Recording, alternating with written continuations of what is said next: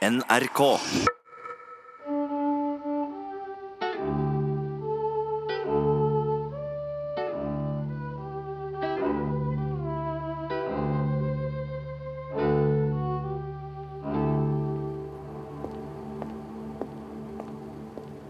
Jeg går i den lille gata Rue du Montabour, rett ved Tulleriparken i Paris. Det er sein kveld, og jeg er alene på fortauet. Men plutselig kommer det folk ut fra den lille baren for å røyke og skåle.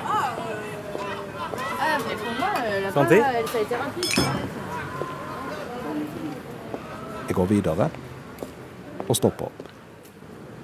Det blir veldig sjelden stille i Paris, selv om det er seint på kvelden. Og det blir heller ikke mørkt.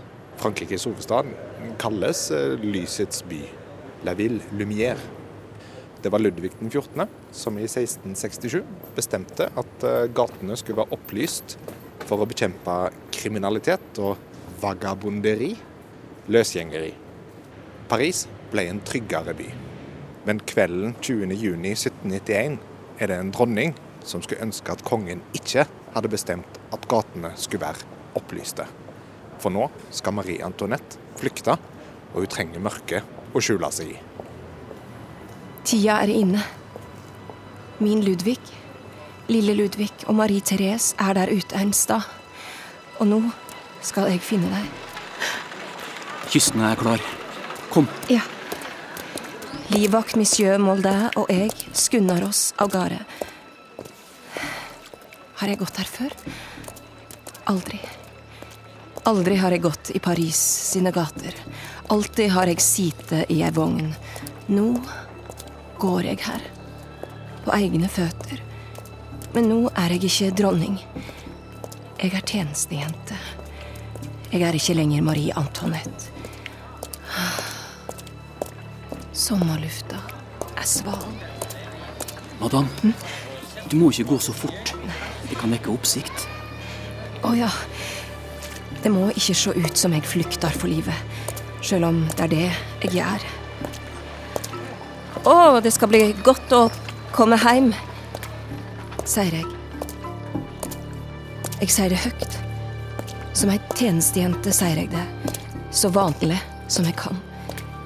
Jeg skal gå vanlig, for Paris må ikke åpne øynene sine nå og se sin erkefiende på flukt. Jeg ser bare ned i brosteinen, redd for at Paris skal se hvem jeg er. Plumper oppi sølepytter, kjenner at føttene blir våte. Vent! Inn her! Ja. Han fører oss inn i ei bakgate. Ei vogn kjører forbi. Vi må videre, hvisker jeg. Vi kan ikke stå her. Men monsieur Moldin rister rolig på hodet og hysjer på meg. Bare vent her med meg, madame. Ja. Hjertet mitt pumper. Er dette ei felle? Men monsieur Moldin smiler til meg og åpner vogndøra. Det er min lille Marie Therese. I mørket skimter jeg lille Ludvig som søv. Og der er min Ludvig. Han har ei tjenerlue på, og jeg må le. Og det er Ludvig òg. Han ler av meg, og jeg ler av han. Og vi kjører av gårde som var vi på vei til maskeradeball.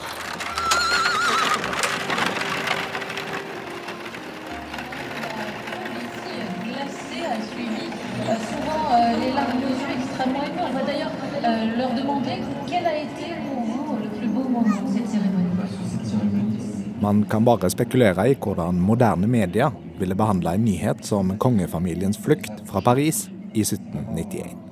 Når jeg går i Tulleriparken en desemberdag i 2017, er det til lyden av direktesendingen av begravelsen til en moderne konge, den franske artisten Johnny Halliday, som vises på storskjerm. Men morgenen 1791 fant tjenere avskjedsbrevet kongen hadde lagt på puta på soverommet i Tulleripalasset. Ryktene begynte å fly i Paris. Ryttere ble sendt ut for å ta opp jakten på vogna med kongefamilien, som var på full fart mot kongetro styrker i Øst-Frankrike. Slottet de flykta fra, Palais de Tuileries, fins ikke lenger. Men snur du ryggen til glasspyramiden ved Louvre-museet og går over Place du Carrousel med scenen på venstre hånd og inn i parken, er du ca. der det lå. Jeg ser et pariserhjul langt framme på Place de la Concorde, enighetsplassen som i dag er fylt med sørgende rockefans. Det var på denne plassen giljotinen sto under mesteparten av revolusjonen. Marie Antoinette og kong Ludvig den 16. hadde god grunn til å flykte. Kongen håpa på å samle lojale franske styrker og utenlandske tropper nok til å invadere sitt eget land, slå ned revolusjonen og flytte tilbake til slottet sitt i Versailles. Dronninga var nok enda mer personlig motivert. For etter at kongefamilien ble tvunget til å flytte til Paris, hadde hun kommet altfor nær folket, som hata henne. Ikke bare var hun østerrikerinnen, prinsessa fra Frankrikes erkefiende. Marie Antoinette var selve symbolet på susen og dusen de adelige levde i før revolusjonen, sier førsteamanuensis i fransk Geir Ufsløk. Et symbol for det store sløseriet ved hoffet. Man kalte henne Madame Deficit, fru underskudd. Og det er sant også at da hun kom til slottet som ung kvinne, så levde hun nok et ganske utsvevende liv. Men det spørs om det bildet stemmer så mye i 1789, for da har hun fått barn og hun har roet seg ganske betraktelig. Men fremdeles så er hun altså da fremstilt som den store synderen. Kanskje også fordi kongen faktisk blant det brede laget av folket var relativt populær. Altså mange som mente at det var hovedsakelig adelens skyld at det liksom gikk så dårlig med landet, at kongen faktisk prøvde å finne løsninger så måtte man da finne noen som man kunne hate litt også. Det er deilig å ha noen å hate. Det blir revolusjon av sånt. Og fremdeles lever bildet av den nytelsessyke og virkelighetsfjerne Marie Antoinette, sjøl om hun aldri sa at folk bare kunne spise kake hvis de ikke hadde brød. Men utkledd som tjenerinne hadde hun klart å lure pariserne, og hun fant vogna som skulle føre henne til friheten ut av Paris og stadig nærmere grensa til Belgia. Men etter de fløy nyheten om deres flukt, og desperate ryttere fra revolusjonsgarden. Ah, vi våkner til strålende solskinn og grønne åkrer omkring oss. Byen er borte. Her er små landsbyer, og de ser ufarlige ut.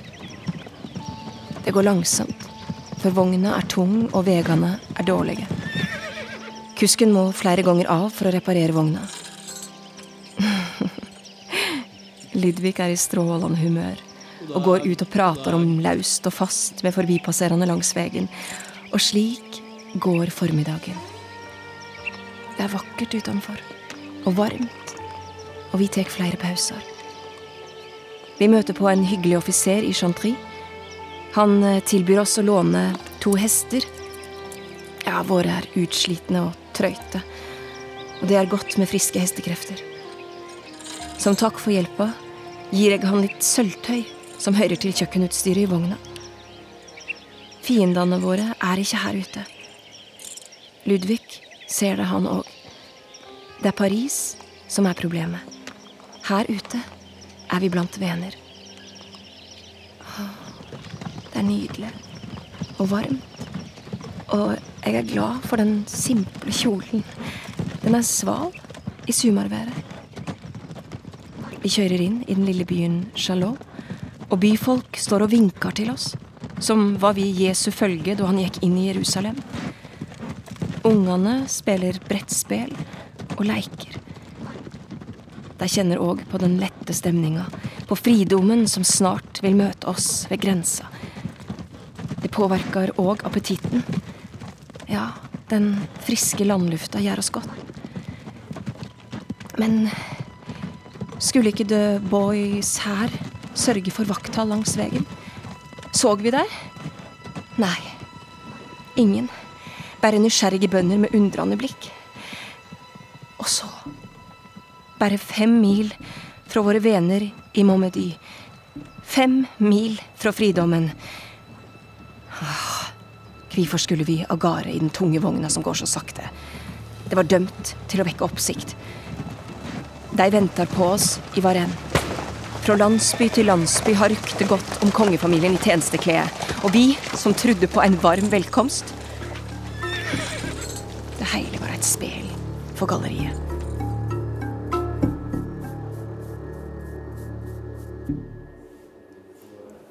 Maskene er falt, spillet er over. Kongefamilien satsa høyt og tapte. De ble gjenkjent i den lille byen Varennes og føres tilbake til Paris, som tar imot dem med isnende, illevarslende taushet. Hvordan skal dette ende? Jeg går opp ei steintrapp og inn i et trangt rom, hvor det er hengt opp lapper med navn på veggene. Marianne Fournier, Louis-Joseph Fulmalot, Jean-Antoine Hippolyte Duval, Auguste Louis Trapeau, Jules David Lafin, Nicolas Leboeuf.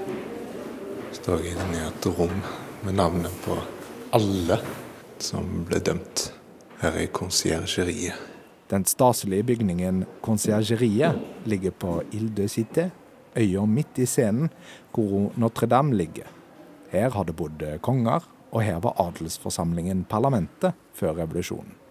Og det var her fiendene av revolusjonen etter 1789 ble fengsla og fikk sin dom. Og der ser jeg det. Marie Antoinette, Joseph, Jeanne, Capi. Det står enke i parentes under. Og navnet er skrevet i rødt. Og det er ganske mange navn som er skrevet i rødt. Det betyr at de ble henrettet. Marie Antoinette satt fengsla her i flere måneder, før hun ble ført til giljotinen i oktober 1793.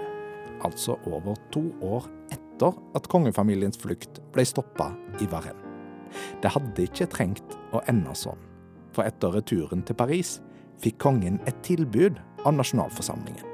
Vi holder tett om flukten din og sier at dere ble kidnappa. Som betaling for denne lille løgnen så måtte da kongen igjen avlegge ed til konstitusjonen. Altså Han måtte si at han skulle være trofast til konstitusjonen, og dermed altså godkjenne dette eh, konstitusjonelle monarkiet som den nye styreformen. Flertallet i nasjonalforsamlingen ønska nemlig fremdeles et Frankrike med en konge på topp. Og den 3. september 1791 vedtas grunnloven i Frankrike, som da blir et konstitusjonelt monarki med maktdeling mellom konge, regjering og nasjonalforsamling, og stemmerett til menn over 25 år som betalte skatt. Revolusjonen kunne slutta her. Da ville fengselscellene rundt meg i konsiergeriet kanskje ikke bli fylt opp av de som senere ble definert som revolusjonens fiender, som Marie Antoinette. Går i en eh, gang med små celler på høyre hånd. Kikke inn en av de år. Den er veldig liten. To ganger to meter maks. Helt naken. Bare vegger. Jeg ser et kors som er rissa inn. Tre celler er det her. Men jeg har ikke kommet til Marie Antoinette sin ennå. For det var òg de som ønska at Frankrike skulle bli en republikk uten konge, og de fikk stadig mer støtte. Og i 1792 erklærer Frankrike krig mot Østerrike. Denne krigen var ønska av både kongen og flertallet i nasjonalforsamlingen, av helt ulike grunner.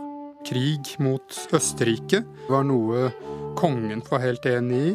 Han håpet på en krig slik at franskmennene skulle tape, slik at østerrikerne kunne hjelpe å sette ham tilbake på tronen igjen. Altså Kongen erklærer krig mot Østerrike for at Østerrike skal vinne over Frankrike, sånn at han kan bli konge igjen? Absolutt. Det er en, eh, det er en eh, plan. Ja, det er absolutt. Og det, er en god plan. Altså. Vel. det kunne vært en god plan. Flertallet i nasjonalforsamlingen ønsker krig for å spre revolusjonens verdier ut over Frankrikes grenser. Krigen går skikkelig dårlig for Frankrike, men den snedige planen til kongen lykkes ikke helt. Og igjen er det folket i Paris som griper inn. Pariserne begynner å få mistanker om at han og da hans kone østerrikerinnen står i ledtog med østerrikerne. Noe de faktisk gjør, finner man senere ut. Og dette fører etter hvert til et uh, opprør i Paris. Pariserne angriper Slottet, og eh, til slutt arresterer kongen, og, og avsetter ham også, for så vidt. Den 21. september 1792 avskaffes kongedømmet i Frankrike. Den første franske republikk erklæres.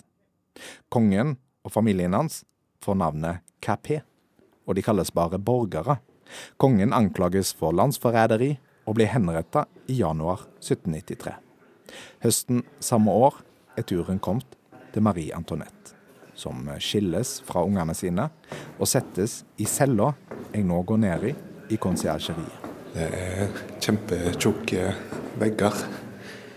Og et bratt trapp som går ned i kjelleren. Til det som i dag er et museum.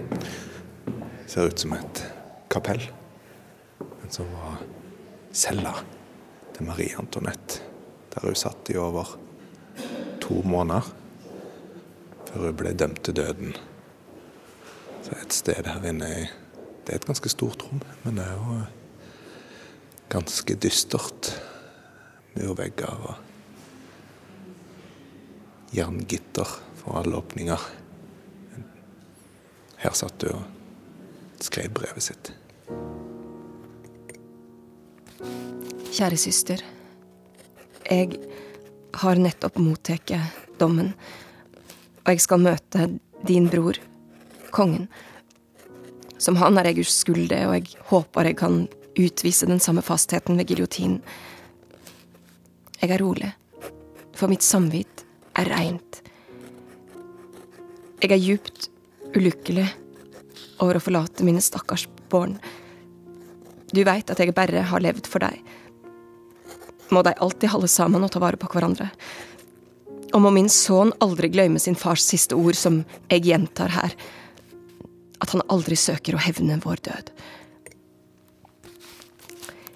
Jeg ber om årsak til alle jeg kjenner, og til deg, mi søster, for alle problemer jeg har påført dykk.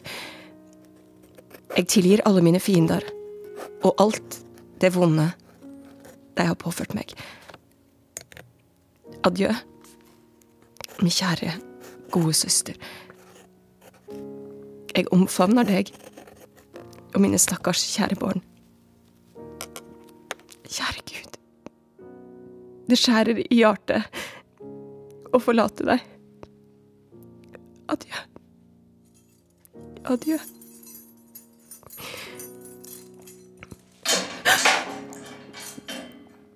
Kjære Gud, gi meg styrke. Er i motgang en lærer å kjenne seg sjøl. Adam, giljotinen er klar. Folket venter. Ja, jeg kjem.